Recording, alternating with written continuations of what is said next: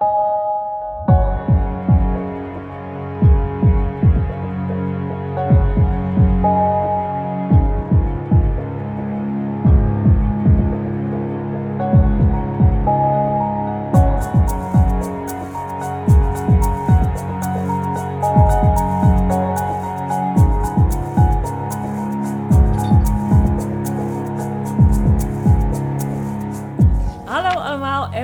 bij Radio Savannah, de tweewekelijkse podcast van Boekwinkel Savannah W. Ik ben Suzanne. Ik ben Lola. En ik ben Verhaan.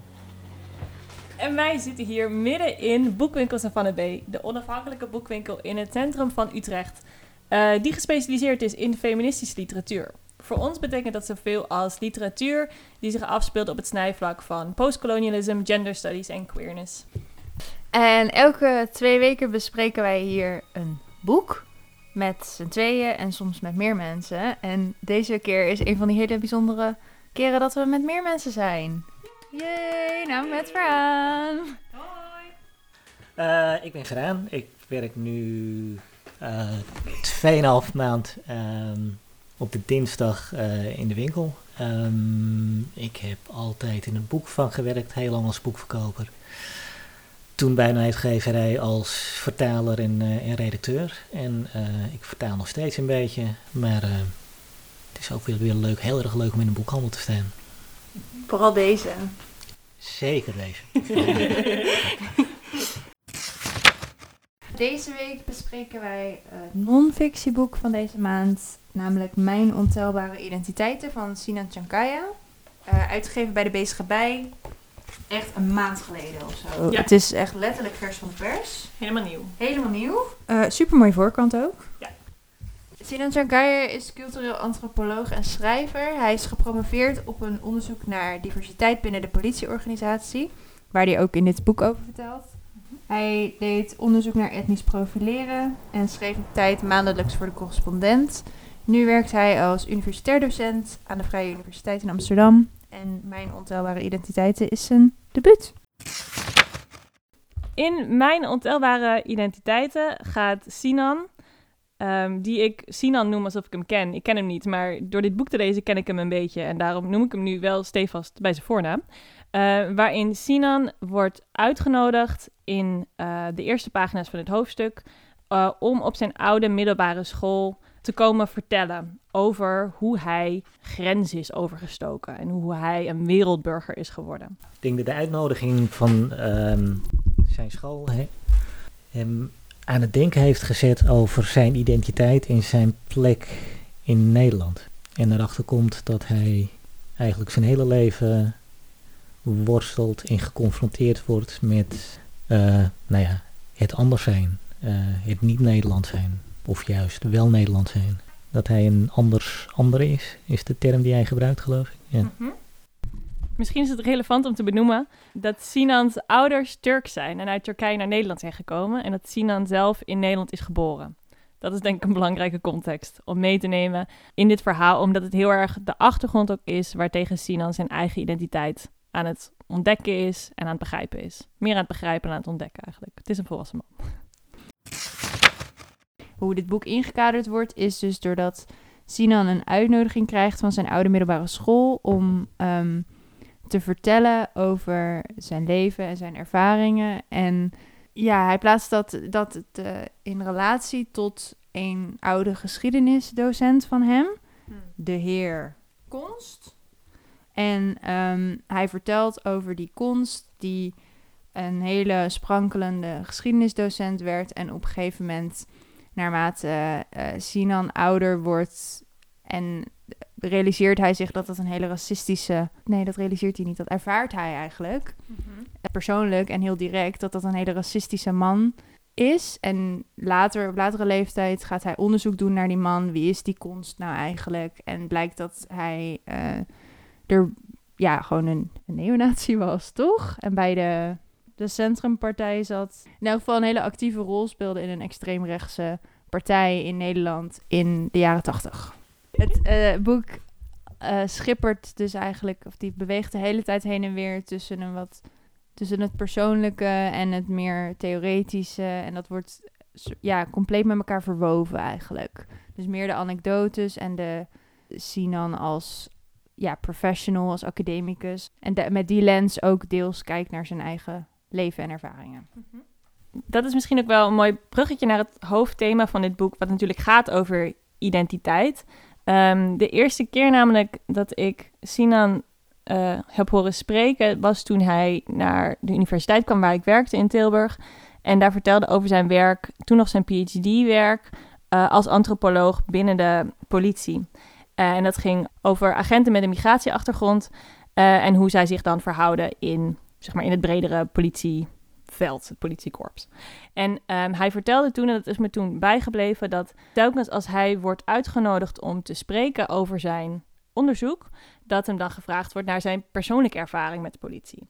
En dat het voor hem eh, een hele ja, opgave was om in zijn academisch werk die verschillende identiteiten van elkaar gescheiden te houden. Omdat hij zich vaak presenteerde in een setting, bijvoorbeeld in een conferentie of tijdens een media-interview, als academicus en werd ontvangen als iemand met, als een ervaringsdeskundige. En dat hij de hele tijd moest schipperen en zelf een soort grenswachter moest zijn van die verschillende identiteiten. Over hoe hij zichzelf presenteerde en voor hoe hij gezien werd. En ik vond het heel interessant om nu, een aantal jaar later, nu ik dit boek eh, van hem las, om te zien hoe hij eh, datzelfde idee loopt, denk ik, nog steeds de door het boek heen. Maar dat weet hij op heel veel verschillende dimensies en in veel verschillende contexten uit te werken. En dat vond ik, denk ik, een van de interessantste elementen van dit boek. eh, de veelzijdigheid ervan. En hoe Sinan laat zien dat dit navigeren van een identiteit in verschillende contexten, op alle verschillende momenten, of op alle verschillende velden waar hij zich beweegt, in sociale contexten, op zijn werk, eh, politieke contexten, telkens dat schipperen tussen die identiteiten. Ehm, dat vond ik denk ik een van de interessantste elementen van dit boek. Ja, inderdaad. Het is, hij, hij vertelt en legt heel goed uit hoe in alle lagen en delen van zijn leven, van kind tot tiener tot student, hij op verschillende manieren geconfronteerd en in aanraking komt met zijn eh, identiteit. Ehm, ja, zelf vond ik de metafoor die hij op een gegeven moment maakt over zijn eigen identiteit, dat hij het vergelijkt met eh, in de modder staan. Eh, dat hij geen houvast heeft, geen vaste grond onder zijn, eh, onder zijn voeten. En ehm, ja, als persoonlijke eh, ervaring en ook van vrienden en familieleden die migrant zijn, herken ik dat heel erg. Ja, wie ben je? Ben je Nederlander? In hoeverre heb je een connectie met je moederland? Ehm, wat neem je wel mee, wat neem je niet mee? Wat is een probleem of wordt als een probleem gezien? Dat, ik vind dat hij dat heel goed uitlegt. Ja, dan heeft hij dus eh, op een terras met eh, een vriend over die uitnodiging om op het jubileum van zijn school te praten. En, ehm, en hij praat over zijn twijfel. En dan zegt hij: Ik weet niet zo goed of ik de uitnodiging moet accepteren. Weet ook niet zo goed wat ik dan moet zeggen. Hoe ik dat moet zeggen. Als je maar niet belooft dat we uit de modder gaan komen, zegt hij. Ik begrijp hem niet. Moet ik het idee van vooruitgang opgeven? Herinner eerst iedereen eraan dat we met z'n allen in de modder staan, zegt hij. Ik knik. Hij spreekt graag in goeroe-achtige aforismen, die gewichtig klinken, maar altijd om een toelichting vragen. Ik laat het erbij. Erkennen dat we in de modder staan? Hoe moeten we dat in godsnaam verder? Ik wil verandering, een nieuw fundament, een harde ondergrond om op te staan. Ik wil niet dat mijn verhaal verkeerd wordt begrepen of dat mensen ermee aan de haal gaan. En dan zijn er ook allerlei autocenten aanwezig, naar wie ik opkijk. Act right, wees dit, doe dat. Het is een nare extra verantwoordelijkheid, zegt hij. Ik vind het een, mooi citaat, omdat het ook laat zien tot in welke mate, tot in welke hoge mate eh Sinan rekening moet houden met anderen in het verkennen van zijn identiteit. In hoeverre ehm, zijn omgeving voor hem bepaalt wat zijn opties zijn, wie hij kan zijn. Bijvoorbeeld als hij nu wordt gevraagd om een speech te geven, en dat is een beetje, ja, het is een terugkomend element door het hele boek heen, dat hij zich afvraagt, hoe zal ik dat in vullen? En niet alleen wat zal ik vertellen, maar hoe zal ik vertellen? Welke woorden kan ik wel en niet gebruiken? Ik moet ervoor zorgen dat zij het goed begrijpen. Dat zij niet boos op mij worden. Dat het publiek dit accepteert. En daarom moet ik me op een bepaalde manier gaan verhouden tot deze mensen. Ehm, daarin merk je heel goed uh, hoezeer zijn identiteit iets is wat hem van buiten voor een heel groot deel wordt opgelegd. Of in ieder geval dat de, de grenzen waarbinnen hij zijn identiteit vorm mag geven, heel erg van buiten worden opgelegd. En ik denk dat uh, in dit boek Sinan dat heel erg verbindt met de ervaring van veel mensen uit dan wel immigranten, um, achter, dan wel mensen die op een andere manier als anders worden bestempeld door, laten we zeggen, de brede Nederlandse samenleving. Ja, dat, dat is gewoon heel herkenbaar. En dat, uh, dat je als migrant in Nederland je per situatie of bij de personen of op een werkplek of het anders gedraagt dan, dan thuis. Ik denk dat veel mensen dat doen, maar in hoeverre maak je problemen van bepaalde dingen, ja of, ja of nee? Of omdat je dan uh, op een bepaalde manier op iets wordt aangesproken of je twijfels ergens bij, bij zet. Ik denk dat ook een mooi verlengde is met alle mooie en ook vreselijke verhalen die we de afgelopen weken gehoord hebben. naar aanleiding van de Black Lives Movement demonstraties en um, opkomst van de beweging in Nederland. Ja, je kan je als migrant gewoon vaak niet jezelf zijn. Um, en je moet continu een afweging maken. Wat zeg je wel, wat zeg je niet? Um, en ik proef die worsteling bij Sinan in het boek ook. Uh, voor het voorbereiden op die speech voor zijn school. Hij wil het zo goed mogelijk doen, maar hij wil ook niet als een bepaald soort migrant worden weggezet. Het is, uh, ja, het is, een, het, is, het is een ontzettend lastige afweging voor hem. Ja, dat, dat snap ik wel. Ja, want een van de dingen waar hij tegenaan loopt, is dat hij, wat eigenlijk net ook al in het citaat zat, dat hij het merkt en leest in, in het contact met die school, dat zij een bepaalde verwachting hebben van wat ze van hem willen. En eigenlijk ook dat er op een bepaalde ja, tokenistische manier, of in elk geval een hele specifieke manier, wordt hij gevraagd om zijn verhaal te doen. En hij voelt denk ik, haar fijn aan wat voor verhaal dat zou moeten zijn. Terwijl dat eigenlijk niet het verhaal is wat hij wil vertellen. Of in elk geval niet het volledige verhaal is wat hij zou willen of kunnen vertellen. En door, door de, doordat het boek zo ingekaderd is door die uitnodiging en zijn afwegingen daarover van moet ik wel of niet die ruimte innemen en hoe kan ik die ruimte dan zo maken dat ik me er ook senang bij voel en dat het, dat het, mij, dat het voor mij iets positiefs is. Het lijkt bijna elkaar uit te sluiten. Doordat hij door zijn, zijn school, waar, waar hij heel erg als de Turkse jongen altijd gepositioneerd werd, als een soort van representatie van, van, van heel Turkije uh, in een hele witte omgeving.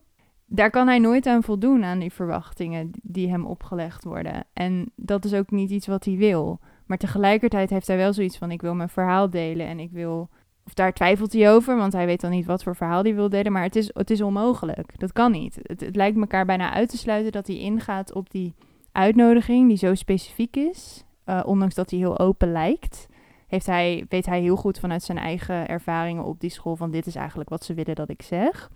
En dit is wat ze willen wat ik niet zeg. En hij heeft zijn eigen verwachting van wat hij zou willen halen uit zo'n moment terug naar zijn eigen school. En die twee kunnen eigenlijk nooit samenkomen het is wat dat betreft misschien ook veel zeggen dat de eerste reactie die hij mailt naar de organisatie, uh, waarin hij dus wordt uitgenodigd, zijn eerste mail terug is de vraag: wat willen jullie dat ik zeg? Ja. En achteraf beseft hij pas dat hij in zijn haast dat heeft gevraagd. En dat is voor hem een realisatiemoment, ja, best een, een, een pijnlijk moment. Dat dat zijn eerste reactie is op deze vraag. En van daaruit gaat hij ook inderdaad nadenken over als ik nou niet zou zeggen wat zij willen dat ik zeg, ja. wat zou er dan gebeuren? Kan ik dat doen? Is dat productief? Op wat voor manier zou ik dat dan doen?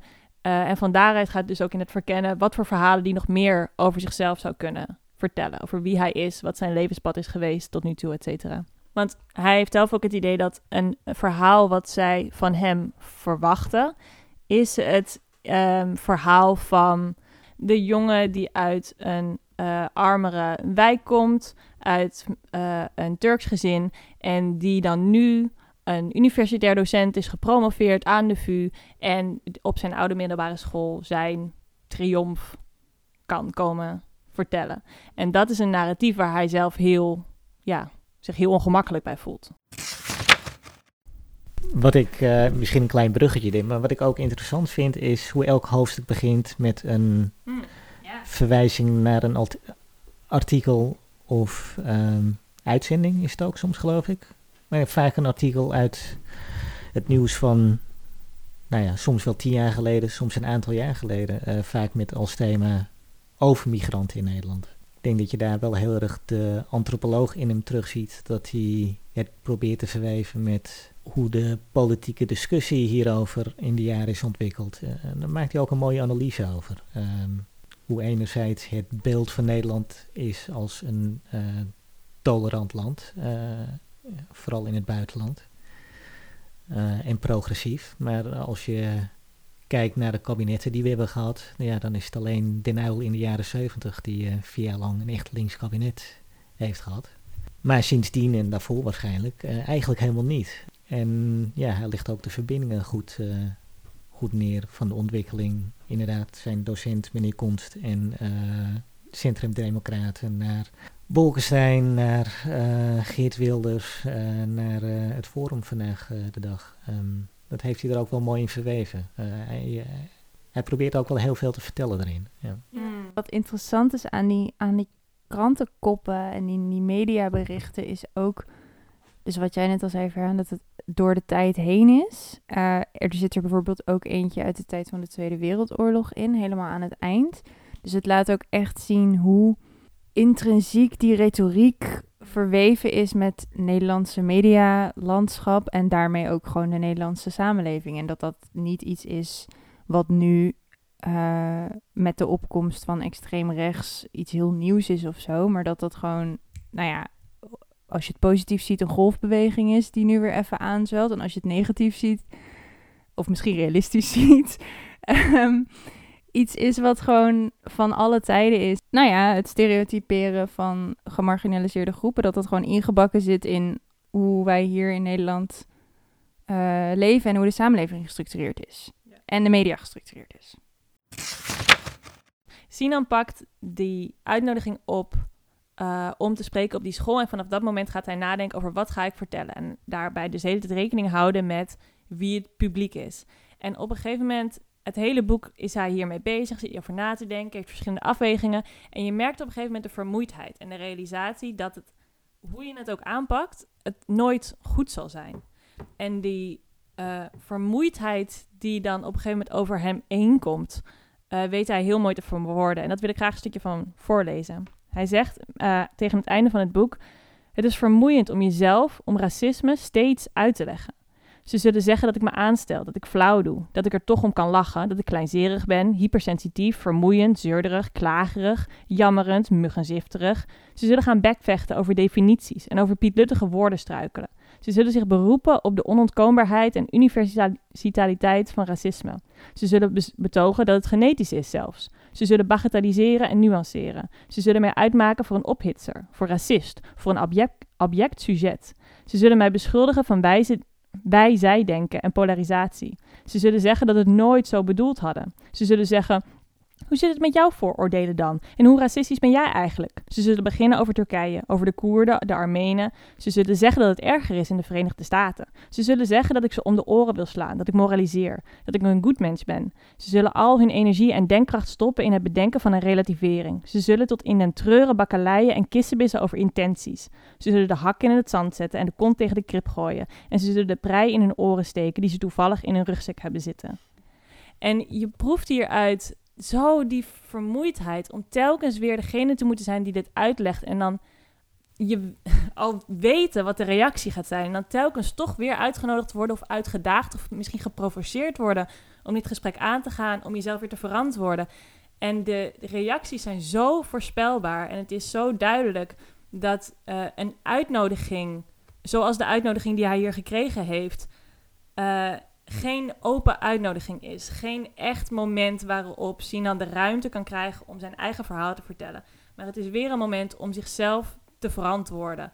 Uh, waar, om zichzelf in de ogen van het publiek, de ogen van een vragend publiek, uh, te positioneren. Precies op de goede manier die van hem verwacht wordt. En tegelijkertijd weten dat dit eigenlijk onmogelijkheid is. Dat zijn publiek nooit helemaal zal accepteren. Um, wie hij is en welke positie hij heeft in dat bredere, eh, in die bredere sociale context. En ik vond het heel ehm, mooi om te lezen dat Sinan toch de poging doet. Hij is het hele boek lang bezig met erover nadenken en op een gegeven moment tot de realisatie komt. Het maakt eigenlijk niet uit. En eigenlijk is het misschien ook niet waar mijn energie het beste naartoe kan gaan. Misschien is mijn uitdaging niet zozeer om te worden uh, of om te proberen te worden wie mensen verwachten of willen dat ik word, maar om naar mezelf te gaan kijken wie ik ben, wie ik kan zijn. En hij beschrijft zichzelf op een gegeven moment dan. Hij zegt: Het liefst spreek ik zonder lichaam, zonder wortels. Het liefst evenaar ik een zwerm vogels die uiteenspat, mijn ontelbare, fladderende identiteiten. En hij eindigt dan eigenlijk. Mag ik dit zeggen? Het is geen spoiler, toch? Het zit in de titel. Het is geen spoiler, mensen. Het zit in de titel. en uiteindelijk besluit hij dan om zich te richten op al die ontelbare identiteiten. En te kijken hoe hij al die verschillende identiteiten recht kan doen. Ik vind dat hij ook heel mooi um, het tijdsbeeld schetst in de jaren tachtig. Um, toen, nou ja, ik zat toen ook op de basisschool en ging naar de middelbare school. En voor mijn beleving kwam toen die discussie ook gewoon echt los over migranten. En, en toen de tijd met name Turken en, uh, en Marokkanen in, uh, in Nederland. Ineens was dat een item. Ik kwam daar ook mee, mee in aanraking. Um, alsof het toen ineens een besef was van, oh ja, die zijn er en, en die, die vormen een probleem. Um, en Sinan beschrijft het mooi dat hij daarmee ook nou ja, soms wel heftig in aanraking kwam met zijn plek in Nederland, in zijn identiteit. Ben ik Nederlander, ben ik Turks, uh, wat is er? En vooral als tweede generatie.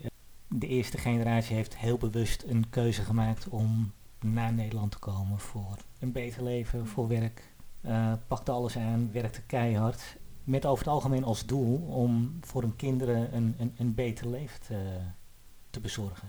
Maar ik denk ook vooral niet daarbij stilstaan hoe moeilijk het voor die tweede generatie is. Komt dan in een land waar je niet volledig wordt geaccepteerd en niet, uh, niet altijd thuis voelt. Zeker niet wel, altijd welkom wordt geheten. Um, en het gevoel dat je je, je best moet doen. Beter moet zijn dan uh, de anderen, uh, harder moeten werken en dat je geen eerlijke kansen krijgt.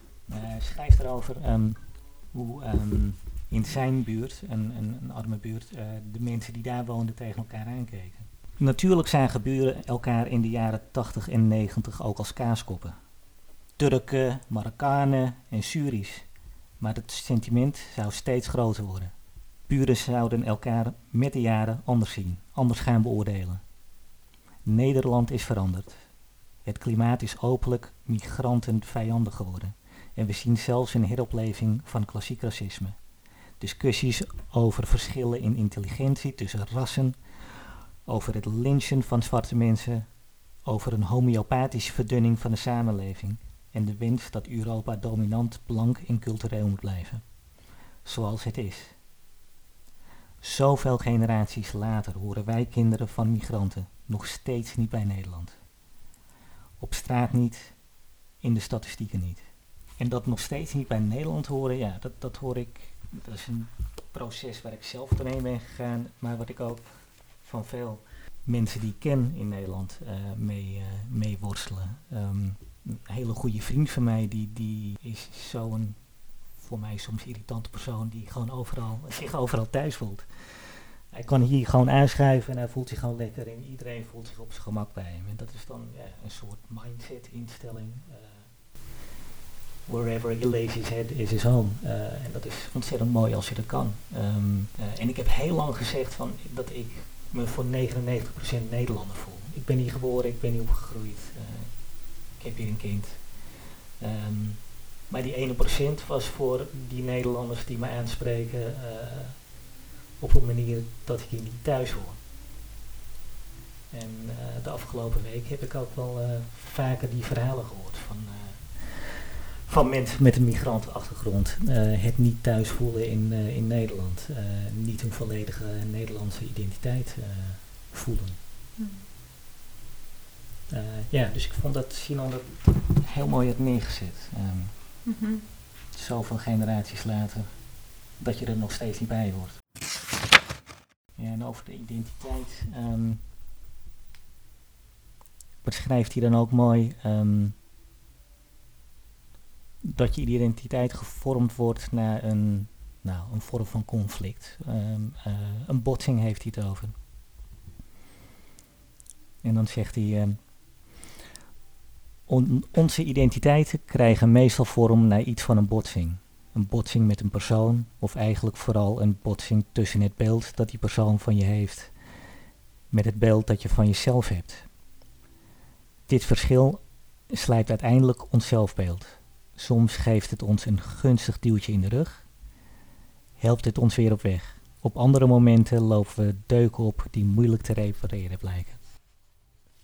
Wat, mooi is ook aan dat beeld van een botsing, is dat het inderdaad conflict oproept. Dat het niet iets is wat, wa- dat dat in contact komen en dat dat schuren, dat dat niet zomaar gaat.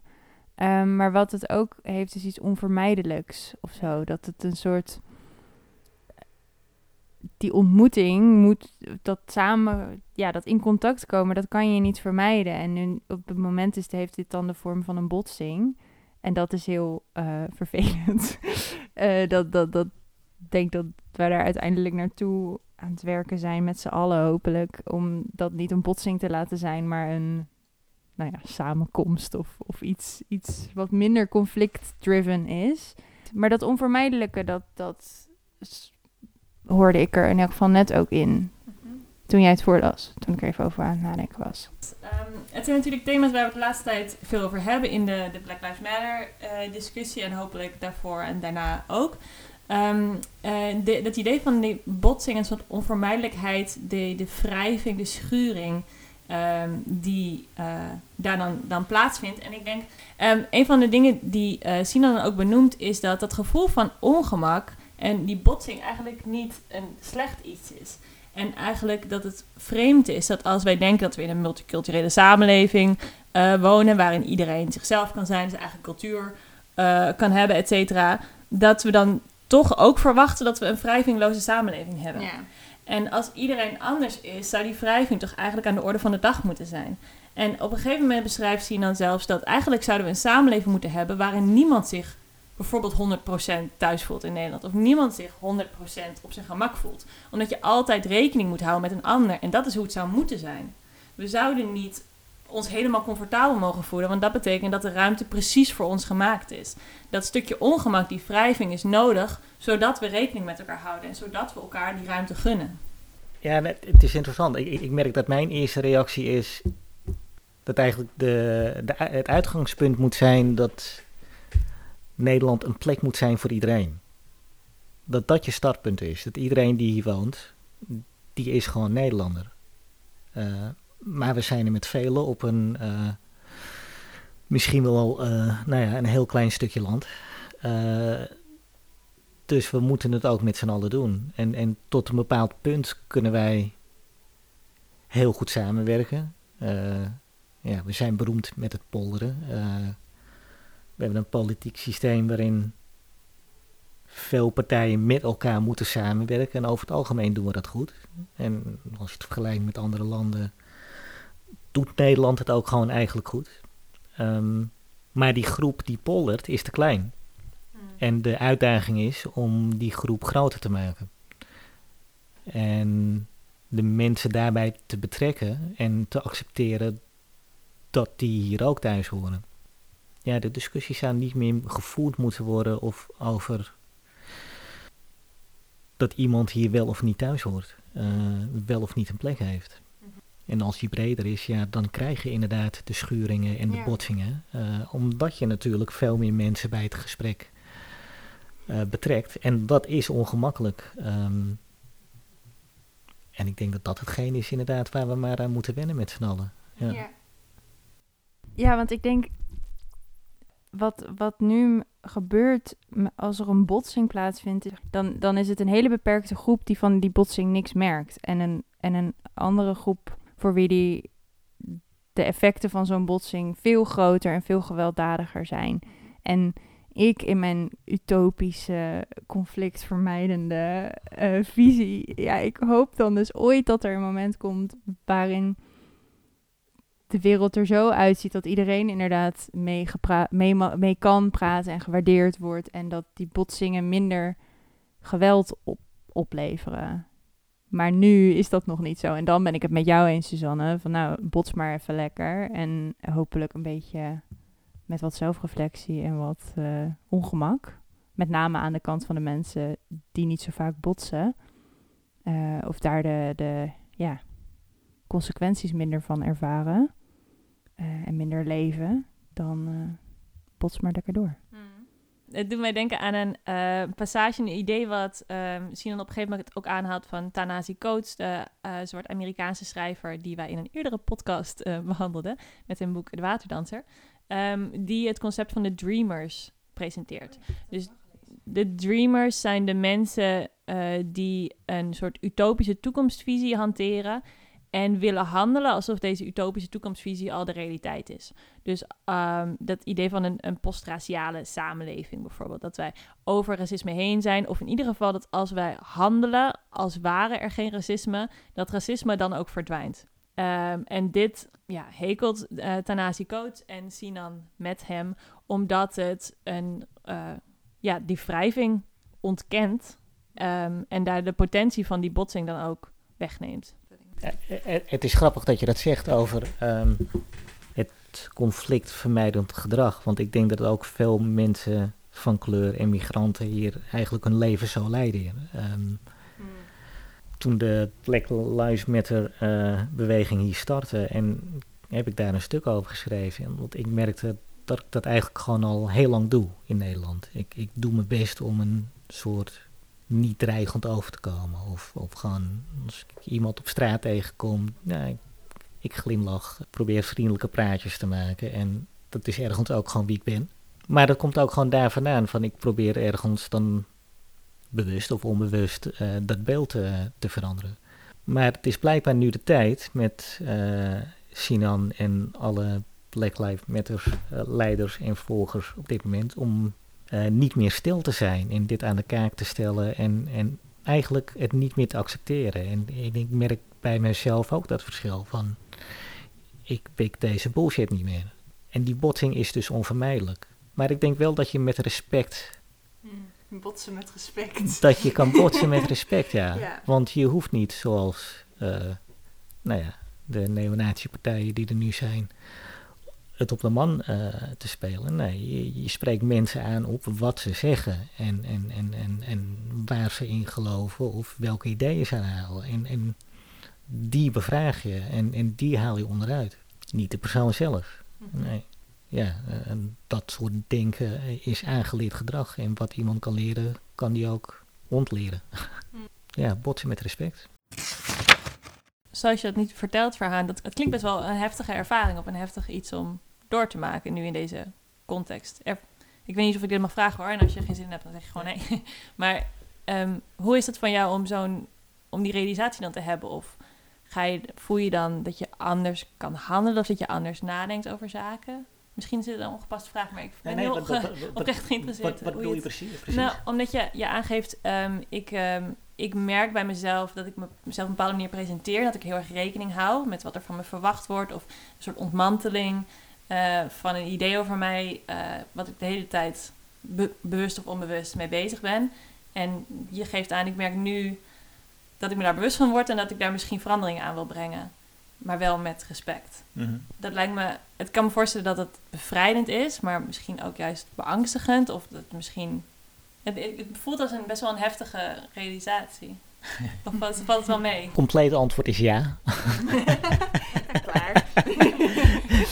Ja, het is bevrijdend. Ja, het is doodeng. Ja, het klopt. Ik bedoel, ik, ik, ik, het is ook ergens dat ik mijn ouders, nee, die letterlijk voor hun leven moesten vluchten uit apartheid Zuid-Afrika, dat ik die hier ook meer recht eh, aan doe om, om, om, om hier eindelijk eens vocaler over te zijn en echt over op te staan. Ik heb eh, in een Facebookgroep met boekenvakkers een discussie aangezwengeld erover en heel bewust een bom gegooid en ehm, veel boekenvakkers voor iets uitgemaakt. In het kort, ik heb een gedrag schaamteloos genoemd na de demonstratie in Amsterdam, omdat ze in die week enorm veel boeken over het onderwerp hebben verkocht, er geld aan hebben verdiend, eh, maar zich niet hebben uitgesproken voor de beweging, voor een, een maatschappij zonder racisme, voor een gelijke en inclusieve uh, maatschappij met het boekenvak voorop. Um, toch wel een, een, een, een segment die juist een product verkoopt waar letterlijk al die boodschappen in staan.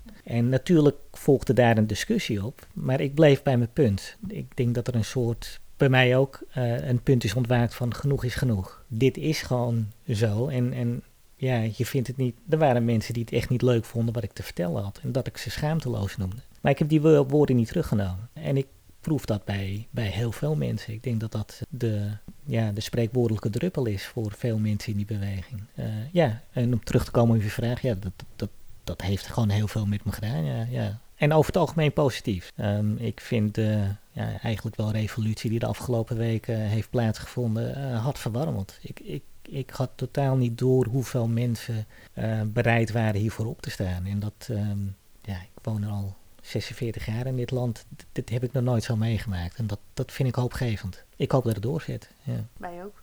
Ja. denk, ja. ja. Ik vind het inderdaad ook wel interessant hoe je het uh, koppelt aan het boekenvak. Juist omdat in het hele gesprek rond Black Lives Matter, zoals het nu gevoerd wordt, wordt er heel veel verwezen naar schrijvers, naar boeken waar deze kennis gedocumenteerd staat. En de, de hele hashtag educate yourself is natuurlijk, nou, kunnen we van alles van vinden. Maar verwijst wel heel duidelijk inderdaad naar boekenkennis. Ik ben het helemaal met je eens dat het, het boekenvak daar ook een een rol in te spelen heeft en een, en een stem in heeft. Of in ieder geval een stem in zou moeten hebben. Mooi dat je dat, dat, je dat aanzwaait, inderdaad. Nou ja, een boekhandel is een tempel voor kennis. Uh, en het, een boekhandel wordt een plek te zijn echt voor iedereen. Uh, waar je binnenkomt om... In een boekenvak verkopen we letterlijk een product van, waar een mens zijn geest mee verruimt. Mm. Ik bedoel, daarom werk ik al mijn hele professioneel leven in dit, in dit vak. Dit is dat idea idealistische beelddracht. Je verkoopt niet zomaar een product. Het is, het is fantastisch. En de boekhandel hoort hierin voorop te lopen. Mm. Om te zeggen van ja, dit, dit is een belangrijke boodschap en dit moeten we aan zoveel mogelijk mensen uitdragen. En om alleen die boeken te koop te zetten en de commerciële uh, kanten van de belichting, ja, dat, dat, dat is gewoon niet acceptabel. Ja, ja, kijk naar jezelf merendeel van de mensen die uh, bij de uitgeverij en in de boekhandel werkt, en zeker op management- en bestuursniveau, is, is wit.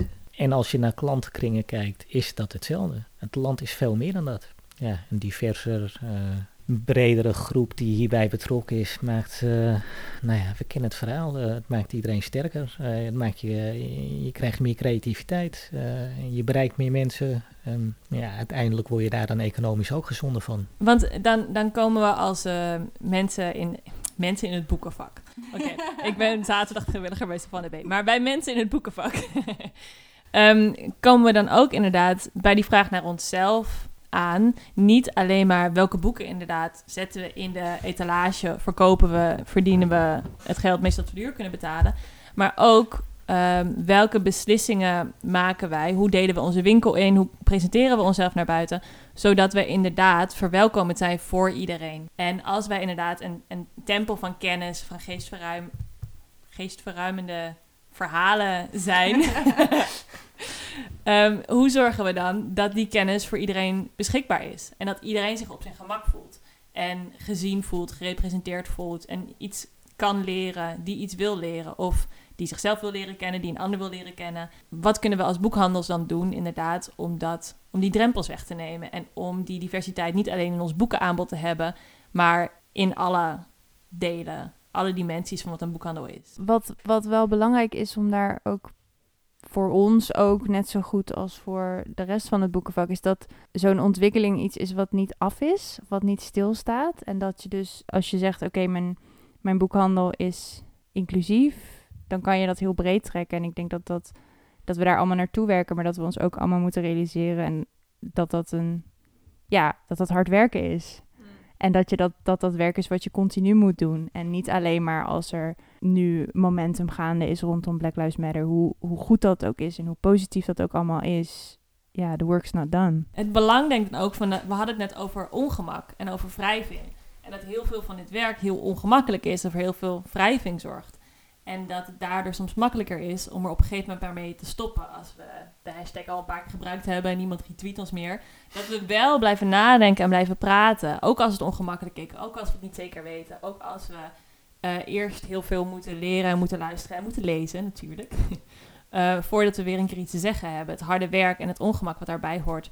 Is ook iets om te accepteren als een taak ja, die nooit af is, zoals je zegt. Ja. Maar misschien moeten we ook leren, het is niet erg om je ongemakkelijk te voelen. Mm. Mm. Het, is, het is een teken van groei. Uh, en, en daar word je alleen maar een beter mens van. Ja, ik denk dat iedereen en heel veel mensen zich hierin ongemakkelijk zullen voelen. Ik denk dat een hele belangrijke stap is gezet de afgelopen weken. Um, dat er heel veel awareness is. En dat we nu moeten doorpakken. Ja, kijken welke stappen we moeten nemen uh, naar structurele verandering. Uh, ga met z'n allen de waarom-vragen stellen. En, en begin bij jezelf of bij je eigen bedrijf of eigen organisatie. Stel de waarom-vraag. Uh, ja, waarom zijn er zo weinig mensen met kleur hier?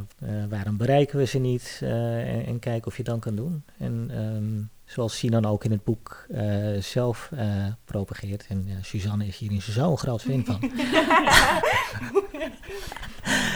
is, die heeft het over microrevoluties. Ja, ja, op zijn Hollands gezegd, een betere wereld begint bij jezelf. Ergens begint het daar ook. Maar ja, we moeten ook op een grotere meta- en macroniveau hiermee aan de slag. Het is complex en het is ingewikkeld en er komt heel veel bij kijken. Uh, en we hebben er een hele lange weg mee te gaan. Maar ik denk dat het belangrijkste is dat we er continu van bewust zijn. En uh, ja, wat Lola ook zei, dat je, er zullen andere groeperingen komen, andere mensen die ook op een gegeven moment ook opstaan. Zo van, ja, hoe zit het met ons? Ja, die moet je dan ook verwelkomen en zeggen van, oh shit, wat stom, sorry, kom erbij.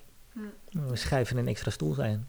Ja, misschien moet dat gewoon wel de default zijn. Ja, iedereen is welkom, ook als we niet één gedachte hebben wat, wat me opviel. Um, nou, we zitten dus in Savannah B en ik zit om uh, heen te kijken. En we hebben een, uh, een tafeltje met boeken uh, voor mensen die geïnteresseerd zijn om te lezen over Black Lives Matter, ideeën, gedachten, achtergronden, et cetera.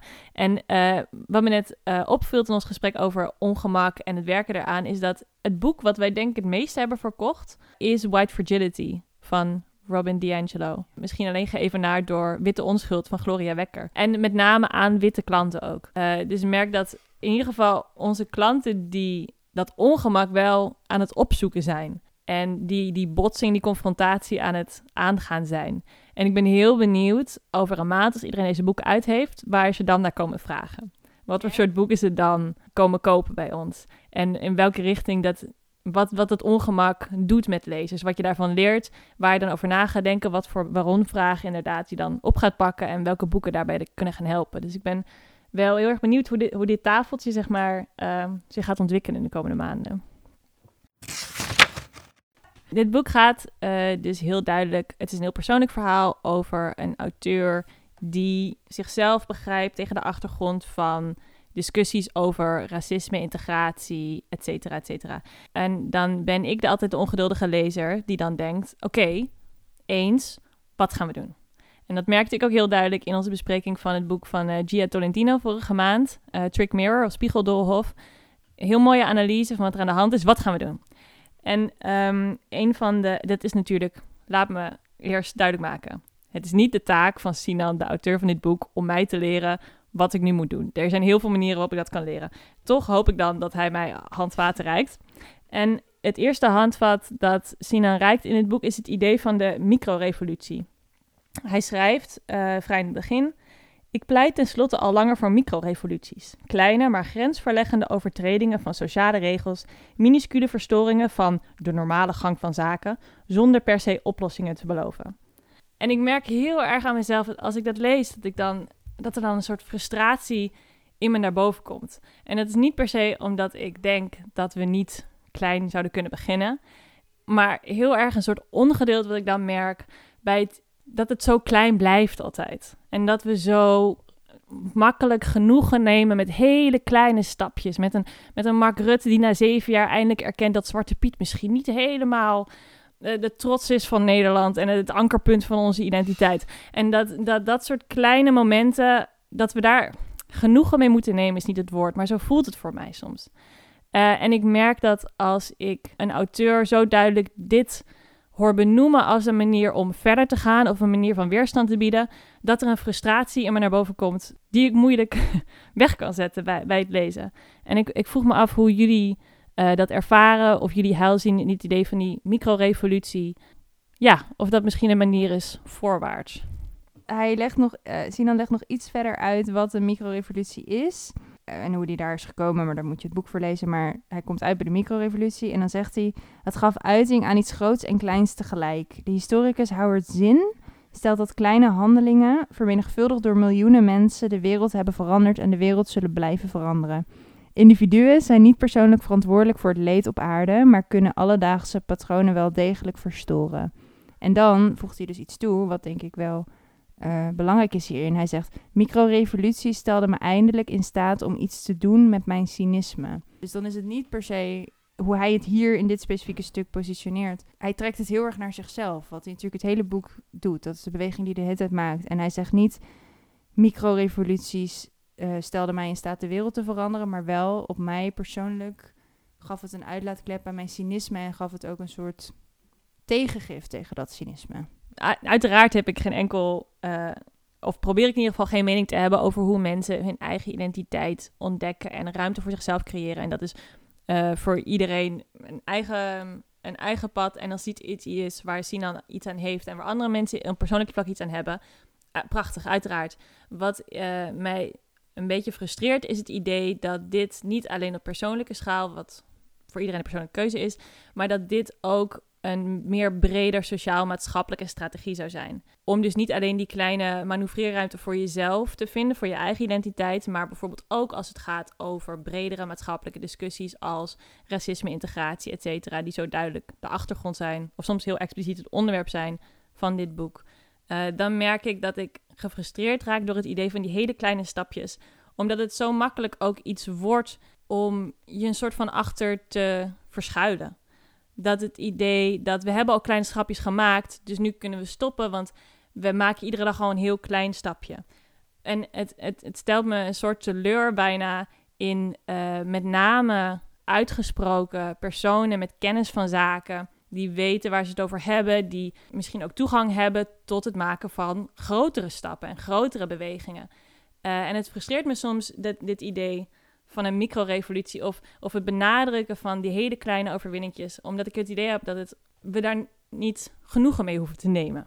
En dat we dat soms wel doen. Je vindt dat het afleidt van de brede discussie en waar het echt om draait. Ja, maar ehm, misschien gaat het er nog wel over, maar het gaat dan gelijk over de kantlijn en de kleine dingetjes in de marges die misschien aan te passen zijn. Terwijl waarom zouden we het boek niet kunnen herschrijven?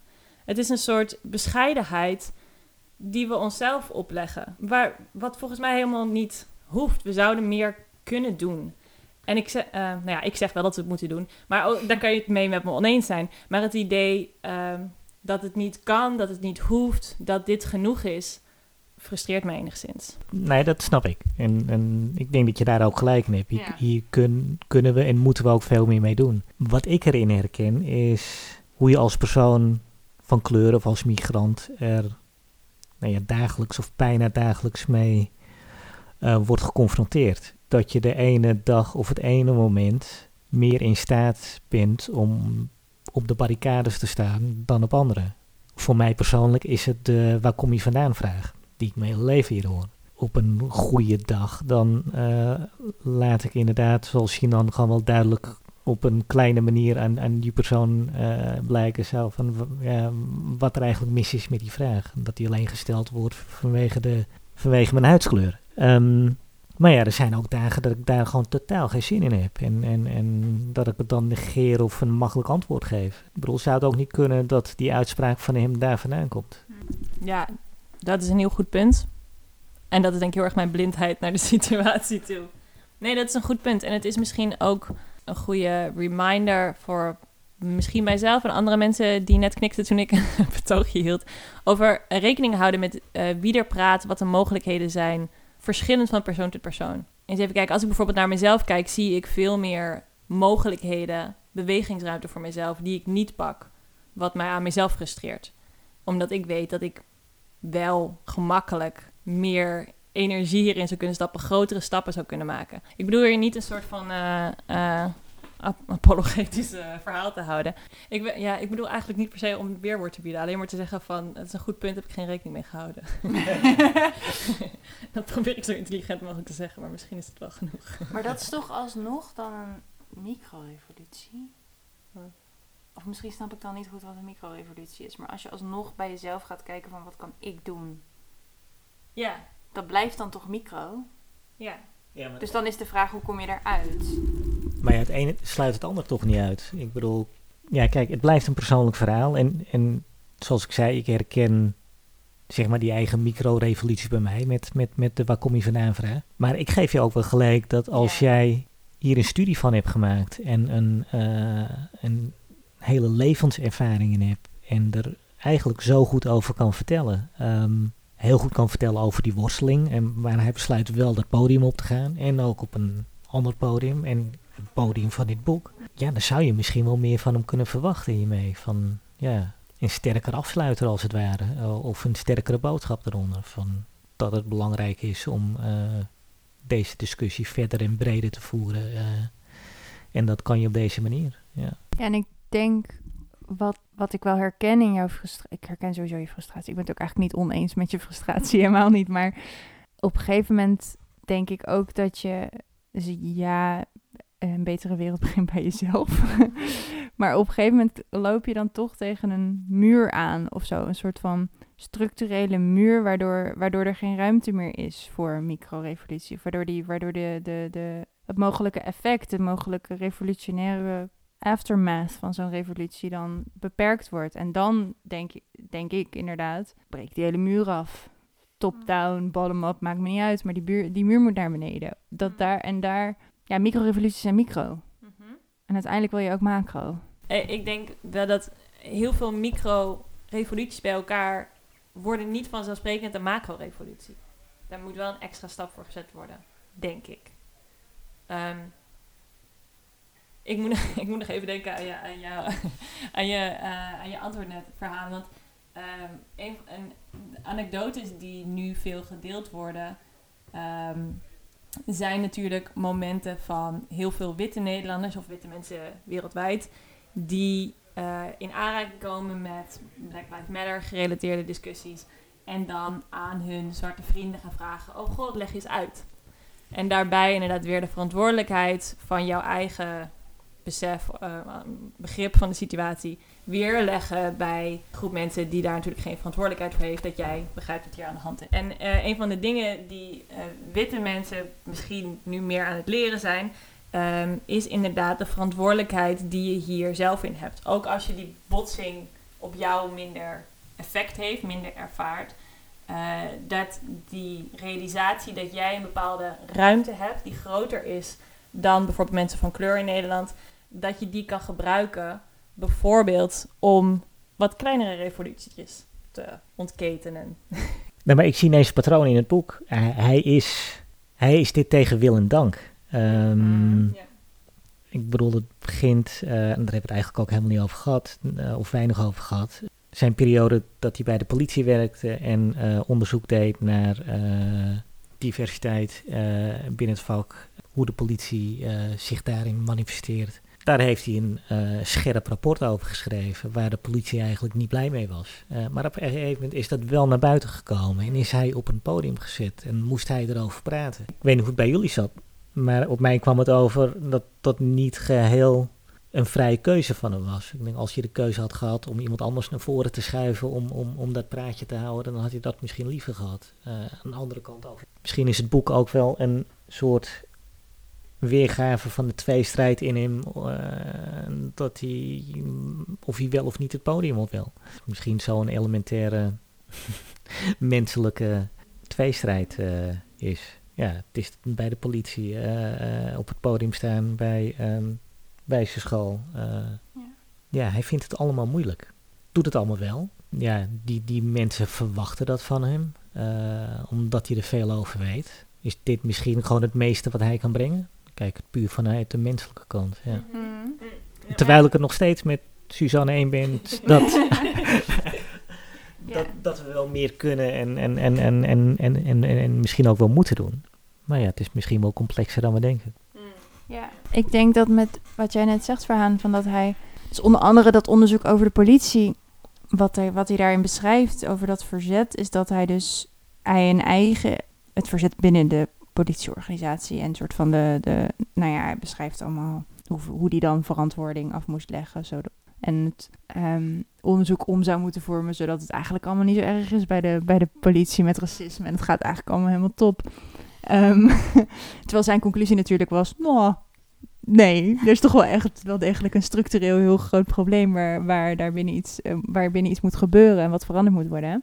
En dat haakt eigenlijk weer in op de, waar het boek mee begint met de uitnodiging van die school. Dat er dus inderdaad door voornamelijk witte organisaties ja, hem wat gevraagd wordt en daarmee met een bepaalde, bepaald verwachtingspatroon waar hij zich maar naar moet schikken.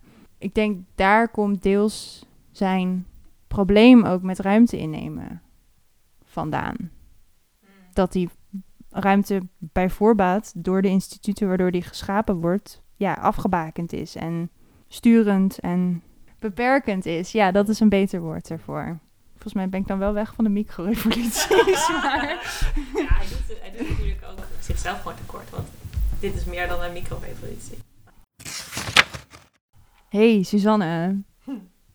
ja, en wie raad je dit boek aan? Nou, de, de, de klant of de persoon die ik in mijn hoofd had om dit boek aan, aan te raden, um, is denk ik de klant die bezig is met de thematiek, maybe rond Black Lives Matter, misschien over het algemeen rond racisme, daar geïnteresseerd in is, maar bij zich, zichzelf erop betrapt dat diegene denkt, maar racisme, dat is toch een Amerikaans probleem?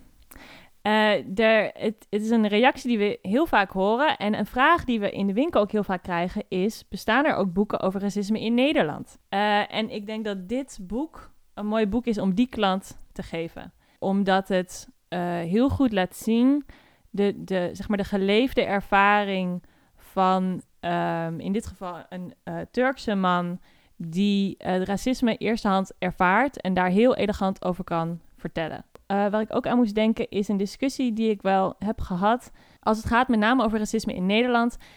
Ik zie het niet, ik heb het nooit meegemaakt, et cetera. En die op zoek zijn naar, die zoekt toch naar een soort bewijs.